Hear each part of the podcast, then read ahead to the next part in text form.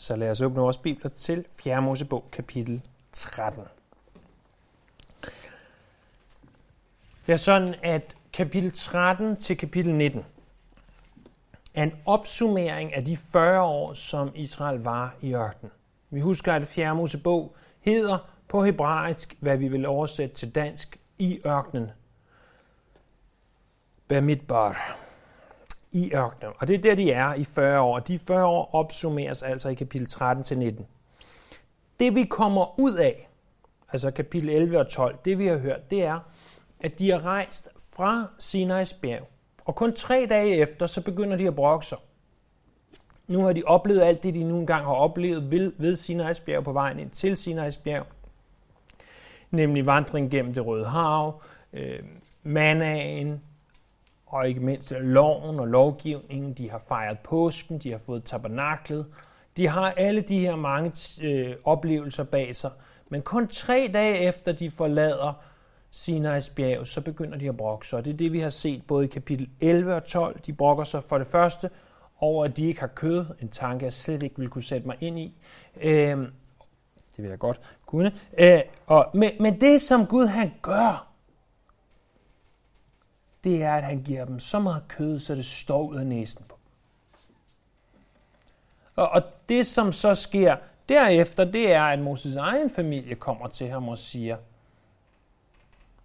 Moses, er du virkelig også den rigtige leder? De betvivler hans leders, ledelse og hans lederskab, øhm, som resulterer i, at Gud viser hans ældre søskende, Miriam og Aaron, hvem det er, som han har sat til at lede.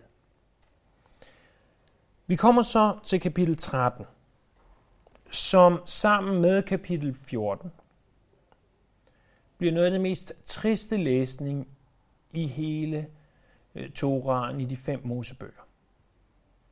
Øh, sammen med beretningen om guldkalven i 2. Mosebog kapitel 32-34, så må de her to afsnit være der, hvor vi ser de længste og, og nederst, ned, øh, længst, de dyk, der er længst nede øh, i Israels historie under Moses ledelse.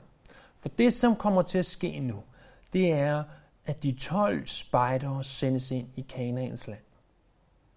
Lad os prøve at se på det. Først ser vi i de første 20 vers, at der er en briefing af spejderne. Vi læser først de første tre vers. Herren talte til Moses og sagde, Send nogle mænd afsted for at udspejde Kanaan, som jeg vil give israelitterne. I skal sende en mand fra hver fædrenes stamme til alle høvdinge. På herrens befaling sendte Moses dem afsted fra Parans ørken. De var alle sammen overhoveder for israelitterne. Det lyder jo godt. Herren taler, herren siger, send spejdere ind i landet. De handler, de gør klar til at sende spejdere ind i landet. Men, men, men, hvorfor siger Herren send spejdere ind i landet? Det siger han, fordi at i 5. Mosebog, kapitel 1, vers 22-25, ser vi, at folket har sagt, skal vi ikke øh, sende nogle spejdere ind i landet? Jeg tror ikke på, at det her det var Guds oprindelige plan, hvis vi kan se det fra en menneskelig synspunkt. Hans oprindelige plan var ikke, at de skulle gå ind med spejder. Hans oprindelige plan var, at de skulle gå ind og indtage landet. Men nu siger han, fordi I kom til Moses, 5. Mosebog, kapitel 1, vers 22-25, som genfortæller det her, så bliver I nu nødt til, giver jeg nu lov til, at sende 12 spejdere ind i landet. Han sender dem ind for at udspejde. Det er et ord, som bruges seks gange i øh, det her kapitel, både vers 2, 16, 17, 21, 25 og 32, og derudover så bruges ordet fem gange i kapitel 14. Øh, ordet udspejde betyder noget i retning af at gå rundt og se på landet øh, efter behag, og, og så kigge på, hvad der er i det land. Det, det er det, som ordet udspejde betyder i det her tilfælde. Så der blev tale om en planlægning, om en kampstrategi, jeg tror også, at Gud nu ønsker at sige, prøv at se, hvad det er, I vil få. Prøv at se, hvad det er, jeg vil give jer. Det sted, han sender dem til, han siger, at I skal sende nogle mænd afsted for at udspejde Kanaan. Kanaan er et udtryk, der bruges 93 gange i det gamle testamente. Første gang vi møder udtrykket er i 1. Mosebog kapitel 9, vers 18. Her bruges det om Kams søn, som i øh, øh Sem, Kam og Jafet. Så Kams søn, altså Noras barnebarn, som bliver forbandet. Vi ser også i 1. Mosebog kapitel 11, vers 31 og i 1. Mosebog kapitel 12, vers 5, at Abraham bliver givet Kanaans land. Det er hans destination. I 1. Mosebog kapitel 17, vers 8, der lover Herren øh, Kanaans land til Abraham, og han lover det til evig tid.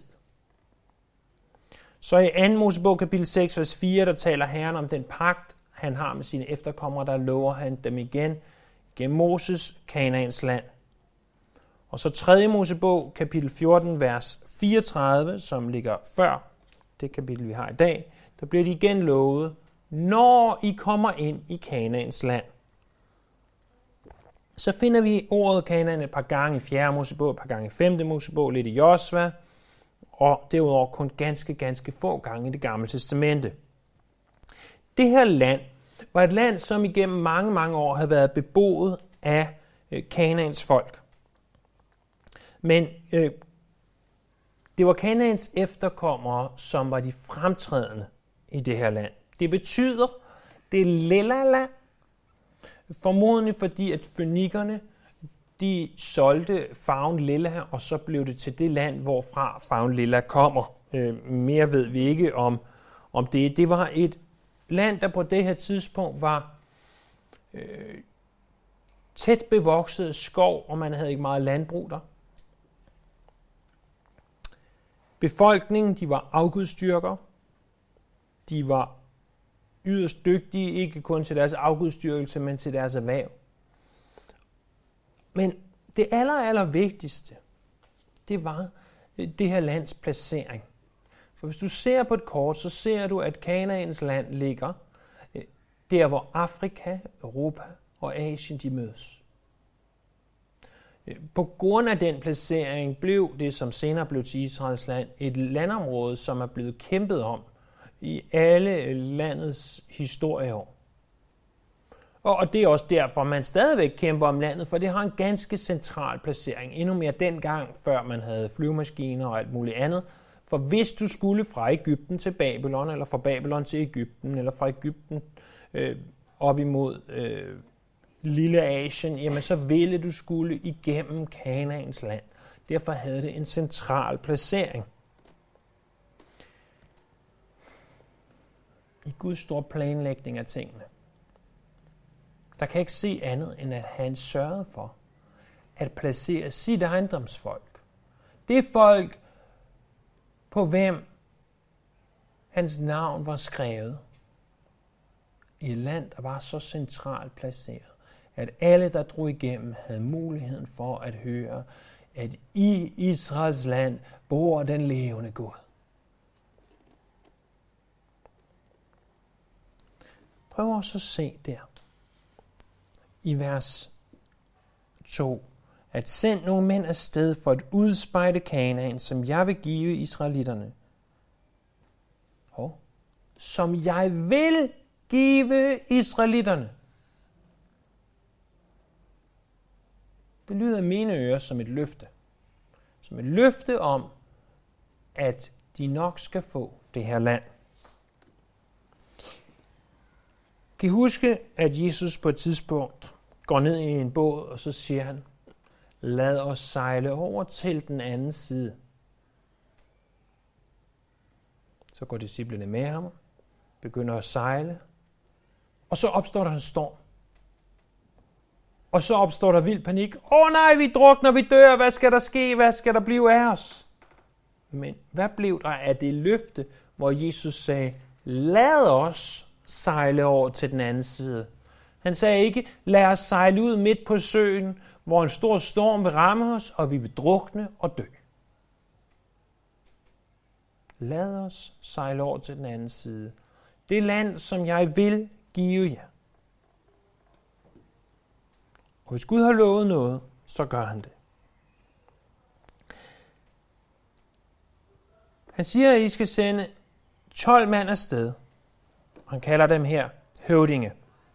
De bliver sendt afsted fra Parans ørken. Parans ørken var det område, og nærmere bestemt var de i Kadesh Barnea, som ligger lige på grænsen til, hvor Israel begynder i dag, helt ned mod syd. Så imellem Sinai, eh, halvøen Sinai-ørkenen og Israel. Der på den grænse, der stod de. Her er der øh, til den dag i dag en større oase, som gav israelitterne en, en rimelig optimal mulighed for at ligge klar til at indtage landet. Så de lå altså syd for Israels land, eller Kanaans land. Der var ingen floder, der var ingen røde have, øh, og der, der var faktisk ingenting imellem dem. Det var bare at tage et skridt over grænsen, så var de i det land, som Gud havde lovet dem. Prøv at se, hvordan at 12 mænd sendes ind i vers 4 til, 16. Vi er stadigvæk i den her briefing, i der hvor at, at mændene øh, vælges og, og gøres klar til at blive indsendt til landet, eller udsendt til landet. Dette er deres navne. For Rubens stamme, Shamuha, Sakurs søn. For Simeons stamme, Shafat, Koris søn. For Judas stamme, Kaleb, Jefunes søn. Fra Isakars stamme, Jikal, Josefs søn. Fra Efraims stamme, Hosea, Nuns søn. Fra Benjamins stamme, Palti, Rafus søn. for Sebulons stamme, Gadiel, Sodis søn. for Josefs stamme, Manasses stamme, Gadi, Susis søn. Fra Dans stamme, Amiel, Gemalis søn, fra Ashers stamme, Setur, Michaels søn, fra Naftalis stamme, Nachbi, Waf, øh, Wafsis søn, fra Gads stamme, Geuel, Markis søn, det var navnene på de mænd, Moses sendte afsted for at udspejde landet. Moses gav Nuns søn Hosea navnet Josva. Så der blev sendt her 12 mænd afsted.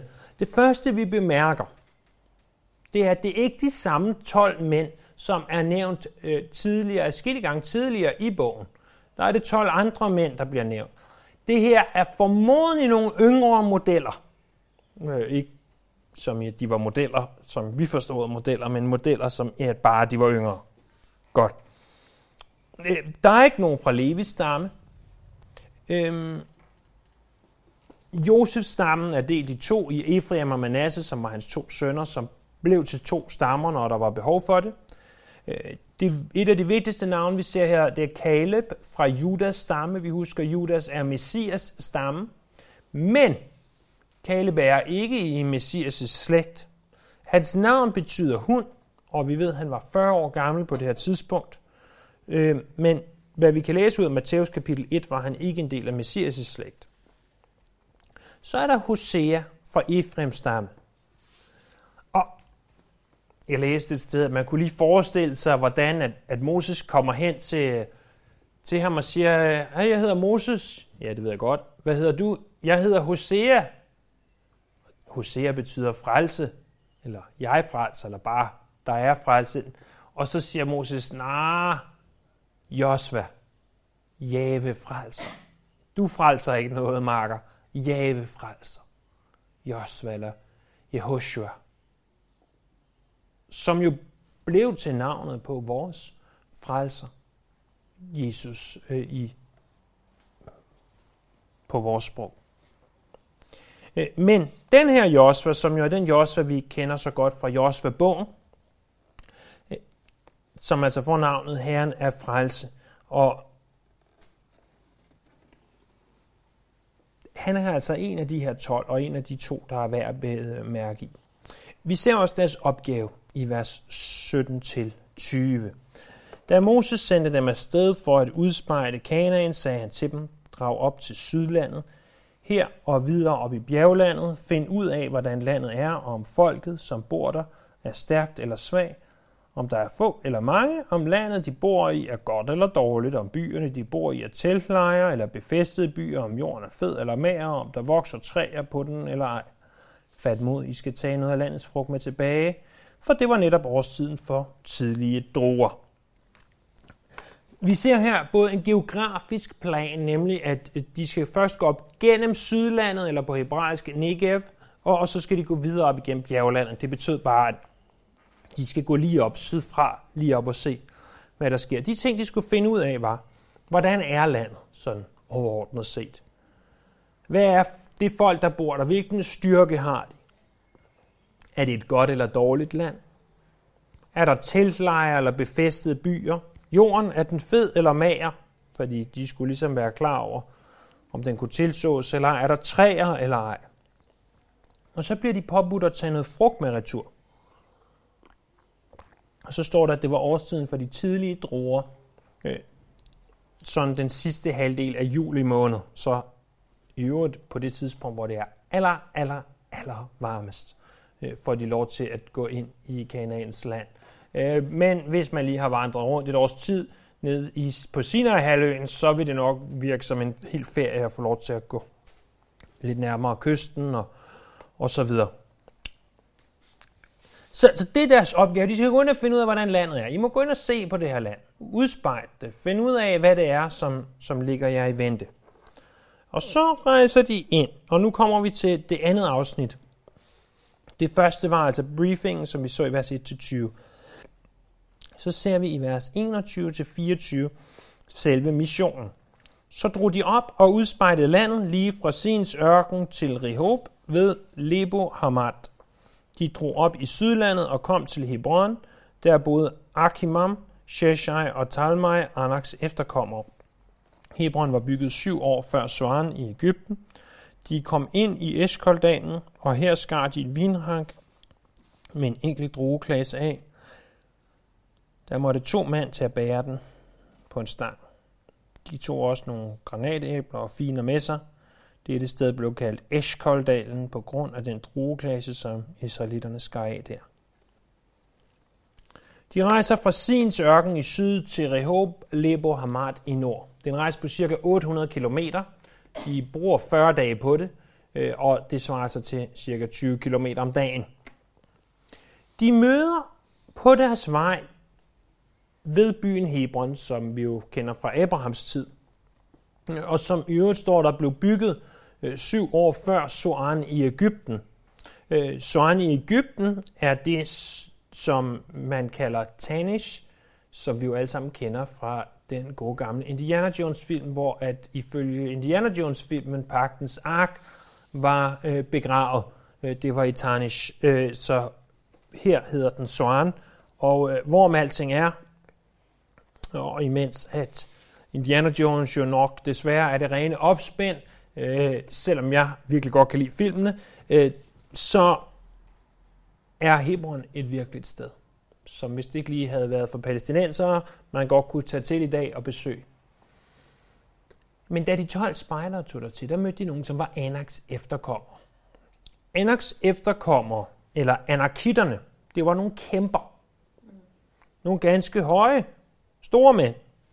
I 5. Mosebog kapitel 2, øh, vers 10 og 21, der ser vi, at de var høj, en slags sådan, høje kæmper. I Josva kapitel 15, vers 13, ser vi, at deres stamfader hed Abba, og deres by, det var Hebron.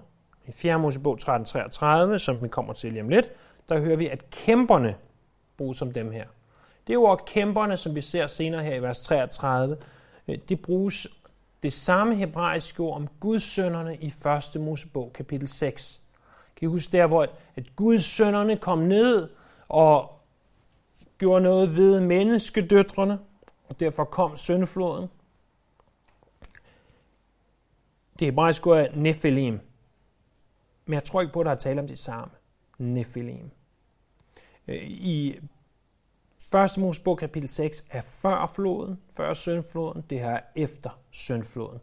Og alt, hvad der var der, uanset om det var dæmoner, om det var dæmonbesatte mennesker der i 1. Mosebog kapitel 6, øh, uanset hvad det var, så blev det udslettet.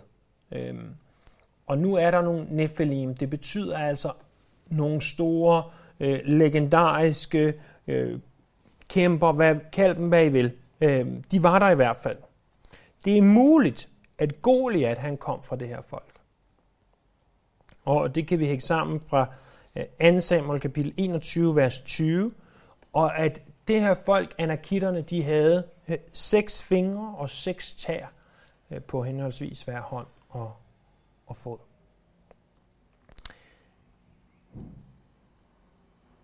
noget af det, som er det mest bemærkelsesværdige her, det er, at, at de tager de her druer med tilbage.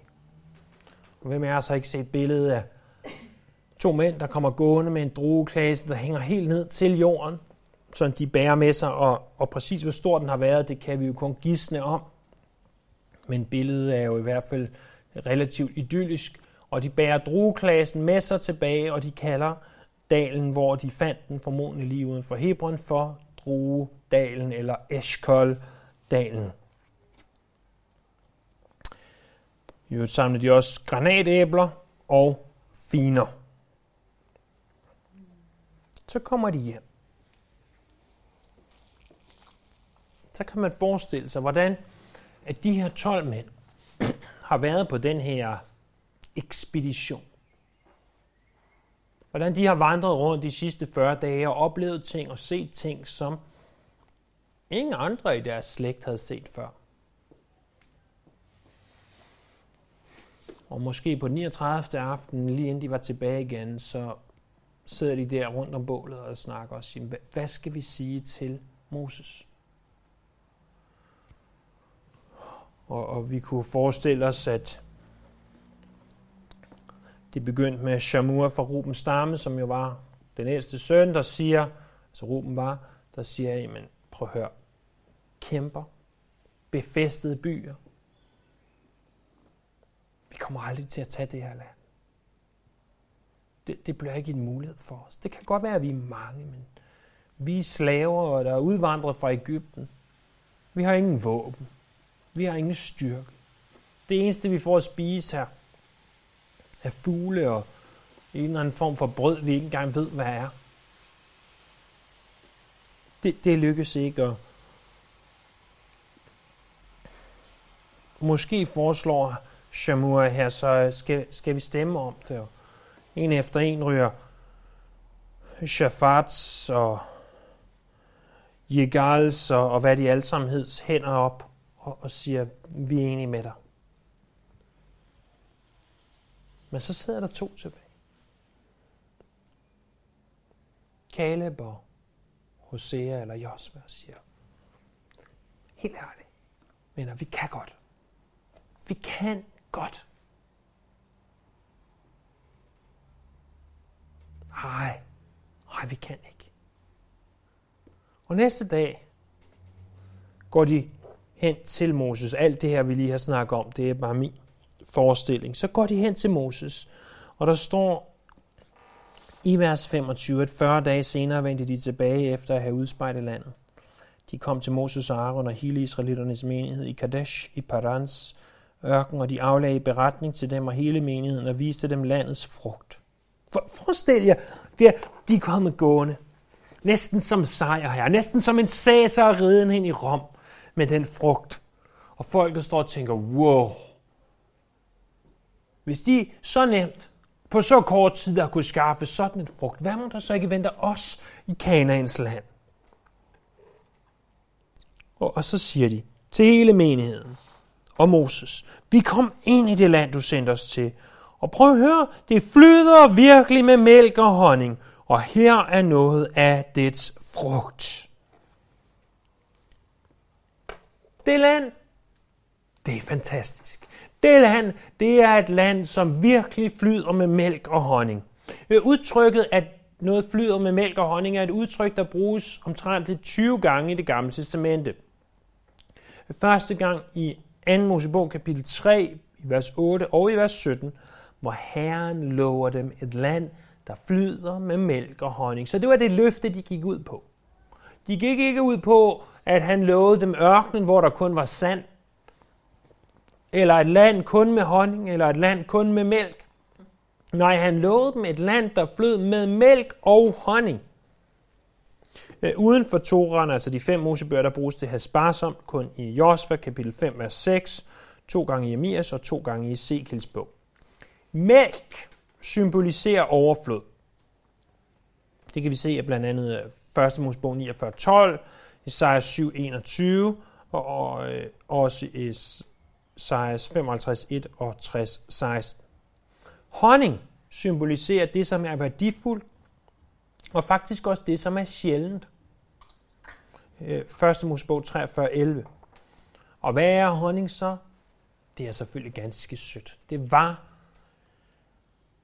før marshmallows blev opfundet, det sødeste, man kunne spise, tror jeg. Øh, og det er jo stadigvæk honning ganske, ganske, ganske sødt. Øh, så så det, det var det, som honningen kunne. Mælk, der er en overflod. Honning, der er en, noget, der er værdifuldt, der er noget, der er sjældent, der er, der er en sødme over det her land. Kan I se? Kan I se det for jer, hvordan at, at folket står der med øjne så store som tekopper, med dollartegn, eller hvad tegn de nu havde i øjnene, og øh, klar til at sige, ja mand, der venter også en rigdom. Gud har givet os en rigdom. Og så er der en af de klarpatter, der åbner munden og siger, men. Der er et men. Bare roligt, der er et men. Det kan godt være, det er godt. Det kan godt være, det flyder med mælk og honning. Men det folk, der bor i landet, er stærkt. Og byerne er befæstet, og de er meget store. Vi så også Anaks efterkommere der. I sydlandet bor amalekitterne, i bjerglandet hititterne, jebusitterne og amoritterne, mens kananæerne bor ved havet og langs Jordan.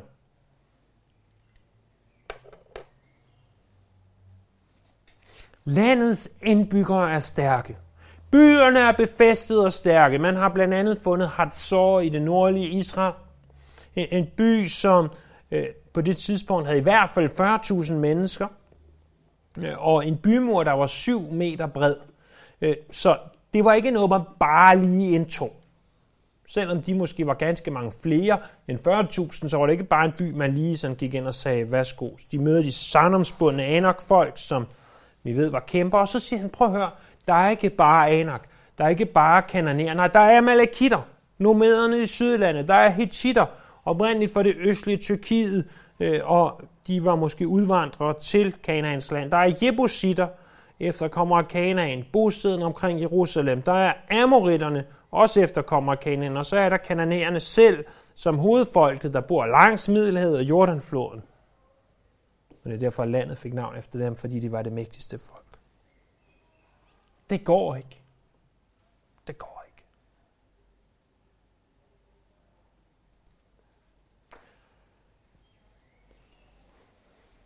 Og tekoppeøjnene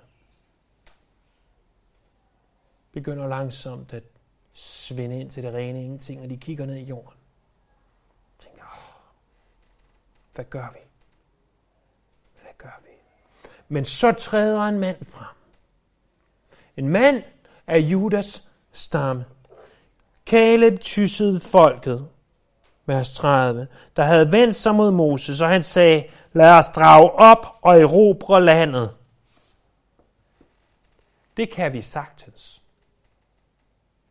Men de mænd, der havde været deroppe med ham, sagde, vi kan ikke drage op imod det folk, fordi de er stærkere end vi er.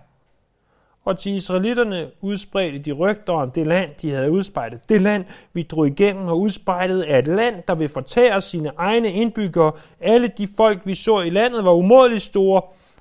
Ja, vi har faktisk set kæmper, Anaksønderne, hører til kæmperne.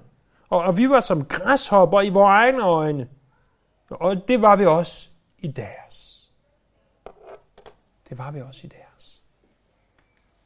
Caleb vil ikke høre på, hvad de siger. Og vi kommer til at høre mere fra Caleb i, i kapitel 14. Men resten af spejderne, som vi skal se på nær Josva, er bange. De udspreder falske rygter. Det var ikke bare den ene fjer, det var de 10 høns. De var så store, det var så forfærdeligt, det kan aldrig lade sig gøre. Det kommer ikke til at ske. Og øh, de overdriver, de indgyder frygt i resten af folket.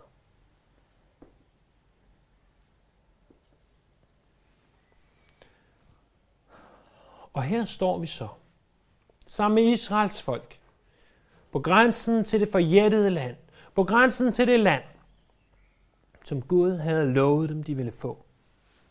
Og hvad står vi med? Jamen, vi står for det første med 10 spejdere, der ikke troede på det, som Herren allerede havde lovet.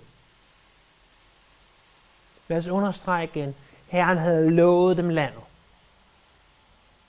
Jeg tror på, at hvis de i stedet for at have sendt 12 spejdere afsted, havde sagt fuld fart fremad, gået ind i landet, taget landet, så havde de taget det på det tidspunkt, at de havde sparet dem selv for verdens længste omvej. Men er det ikke et gennemgående tema i Bibelen, at til trods for, at Herren har lovet noget, så forsøger vi mennesker altid at komplicere det. Prøv at tænk på bare sådan en en ganske fundamental ting som vores frelse. Har Gud ikke lovet os frelsen helt tilbage fra de tidligste kapitler i Bibelen? Lover han os ikke igen og igen, at der kommer en messias? Ser vi ikke, at Jesus opfylder alle de messianske profetier? Og alligevel, selvom Gud har vist os vejen, sandheden og livet, så forsøger mennesker og menneskeheden igen og igen og igen at skabe sin egen menneskeskabte religion.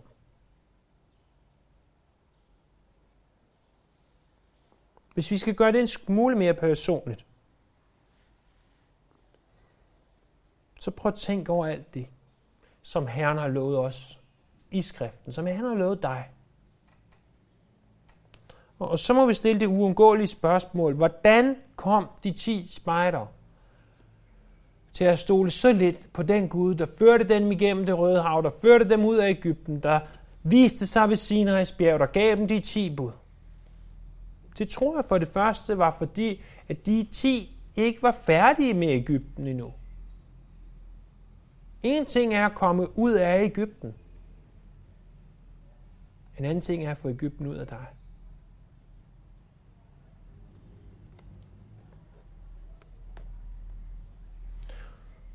Og det vi bliver født på ny,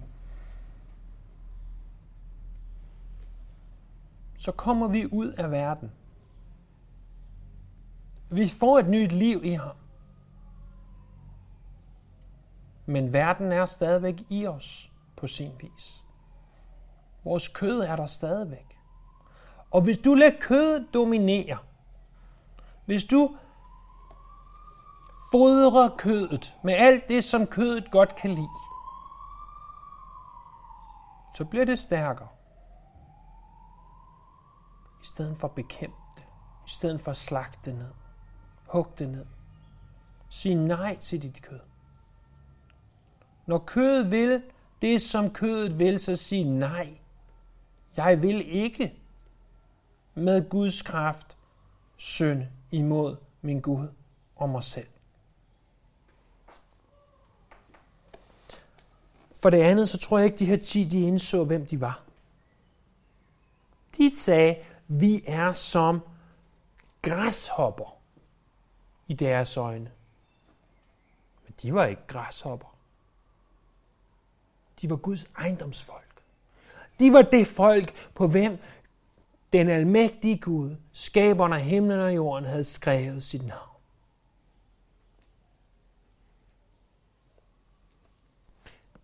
Hvis de havde haft muligheden for at læse beretningen om David og Goliat, så havde det helt sikkert været en beretning, der havde passet lige ind i det her, at den lille David mod den store Goliat. Israel direkte ud af ørkenen imod de her store befæstede byer. Hvorfor? Jamen fordi Gud var med dem. Når Gud er med os, så er det lige meget, hvem der er imod os. Så har vi stadigvæk overhånd.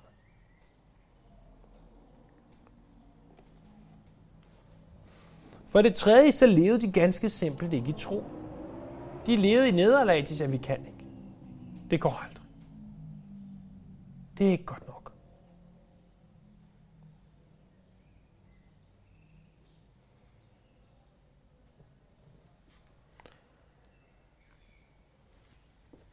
Der er en anden ting, vi kan se på. Vi kan ikke bare se på,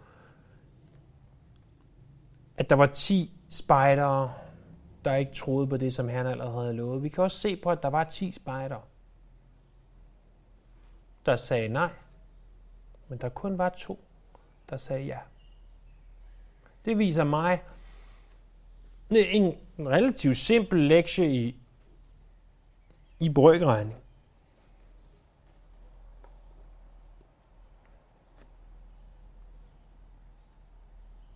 Flertallet har ikke altid ret.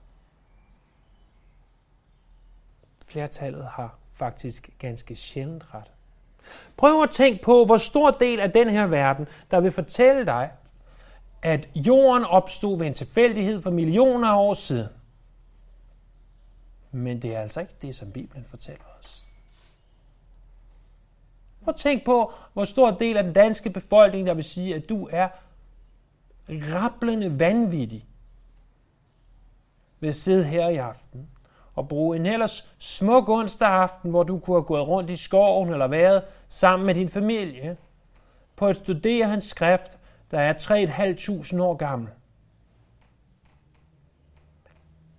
Men jeg påstår, og står her for at påstå i dag, de har ikke ret, for det er ikke bare en 3.500 år gammel skrift. Det er en skrift, der er udblæst, der er sagt er gået. Flertallet har ikke altid ret. Lad være med at lade dig undertrykke af flertallet. Fordi at flertallet siger, at det er kedeligt at gå i kirke. Fordi at flertallet siger, at kirken skal populariseres, så folk har lyst til at komme i kirke. Fordi at flertallet siger, at bibelundervisning dur ikke. Så lad være med at lade dig undertrykke af flertallet. For flertallet har så sjældent, så sjældent, ja nærmest aldrig ret. En tredje ting, vi kan se, det er, tænk på, hvilken forskel der var på de her mænds perspektiv.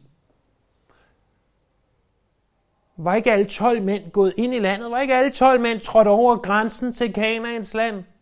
Og drejet op til Hebron sammen og set de store drueklasser ved Eskoldalen og båret de store drueklasser tilbage og, og set landets rigdom. Havde de ikke alle sammen bevidnet det? Kommer de ikke da alle sammen tilbage og bevidner det? Havde ikke alle 12 mænd set de samme befæstede byer og de samme kæmper? Og 10 siger, vi kan ikke. Det går ikke. Og 2 siger, vi kan godt. Vi kan ikke bare godt. Vi kan sagtens gøre det.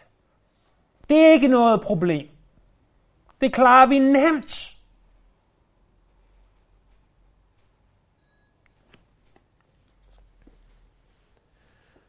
Men med navn Dale Carnegie sagde, og det er oversat for engelsk, og det lyder godt nok bedst på engelsk. To mænd så ud bag fængslets trammer. En så mudder, og en anden stjerner. Eller på engelsk, Two men look behind the prison bars, one saw met the other stars. Så kan jeg så rime det. Jeg kunne simpelthen ikke få det til at rime på dansk. Det går ikke, men kan, kan I se forskellen? De er i det samme fængsel. De ser ud af det samme vindue, igennem de samme trammer. En ser alt det forfærdelige, kedelige mudder. Den anden ser til stjernerne. Forskellen er i deres perspektiv. Og hvis vi applikerer det og overfører det til Josva og til Kaleb, så ser de på stjernerne. For de ser med troens øjne. Og de siger, vi kan sagtens. Det er ikke noget problem, når vi ser igennem tro, så ser vi til stjernerne. Så er det ikke et problem at indtage Kanaans land med befæstede byer og med kæmper. For vi ser igennem tro. I 2. Korinther 5.8 står der, at vi lever i tro, ikke i det, der kan ses. Så i øh, Hebræerbrevet kapitel 11, vers 6, står der, at den, som kommer til Gud, må tro, at han er til og lønner dem, som søger ham. Vores liv er et liv i tro. Og, og ved I, hvad tro er? Tro er at drage ind i Kanaans land, selv når vi ikke har udspejlet det og ved, hvad der venter os. Tro er ikke at vide alt, hvad der sker i Kanaans land, og kende hver hjørne af landet, og vide, at der skal vi tage den indgangsvinkel og den indgangsvinkel. Nej, tro er at drage ud, når Gud han kalder os til det. Og det var Kaleb, og det var Josva klar til. Derfor så de stjerner frem for mudder. Og tilbage står et spørgsmål til hver af os. Vil du være som de ti, eller vil du være som de to? Det er jo egentlig et ganske simpelt spørgsmål, og jeg tænker, hver af os lige nu, så jeg tænker, jeg vil være som de to, jeg vil være som de to, jeg vil være som de to.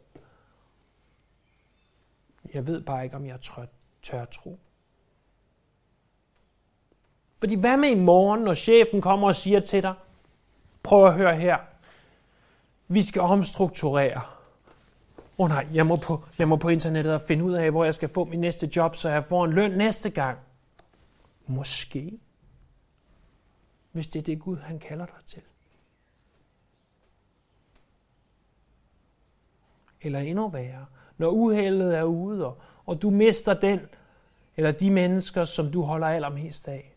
Åh oh nej, hvad skal jeg gøre? Nu bryder alting sammen. Ja, måske for en stund, men Gud har hånd om det. Vil du også være som de to, når kæmpen står foran dig? Når Anok sønderne dukker op? Når du ser den syv meter brede mur foran dig, som er uindtagelig? Vil du så stadigvæk være som de to? Og igen tænker jeg, at vi hver især i vores hjerter sidder og tænker, ja, jeg vil være som de to. Så kast dig selv i Jesu far. For det er kun det her. og alene der, at du får lov til at leve et liv i tro. Det er kun i det, vi har troen, at vi kan leve et liv i tro. Lad os være som de to, og ikke som de ti. Lad os bede. Vores himmelske far skaber Gud. Vi kommer til dig den her aften. I det jeg erklærer og siger, jeg proklamerer, jeg vil gerne være som de to. Jeg vil gerne huske som en Caleb og en Josva, som en mand, der levede i tro. Men jeg ved også godt, at det er nemt at stå og sige her i venners lag. Men når Enoch sønderne viser sig i morgen, så hjælp mig her i din nåde til at leve. Leve i tro. Vi tilbeder dig, vi ærer dig, og vi lover dig.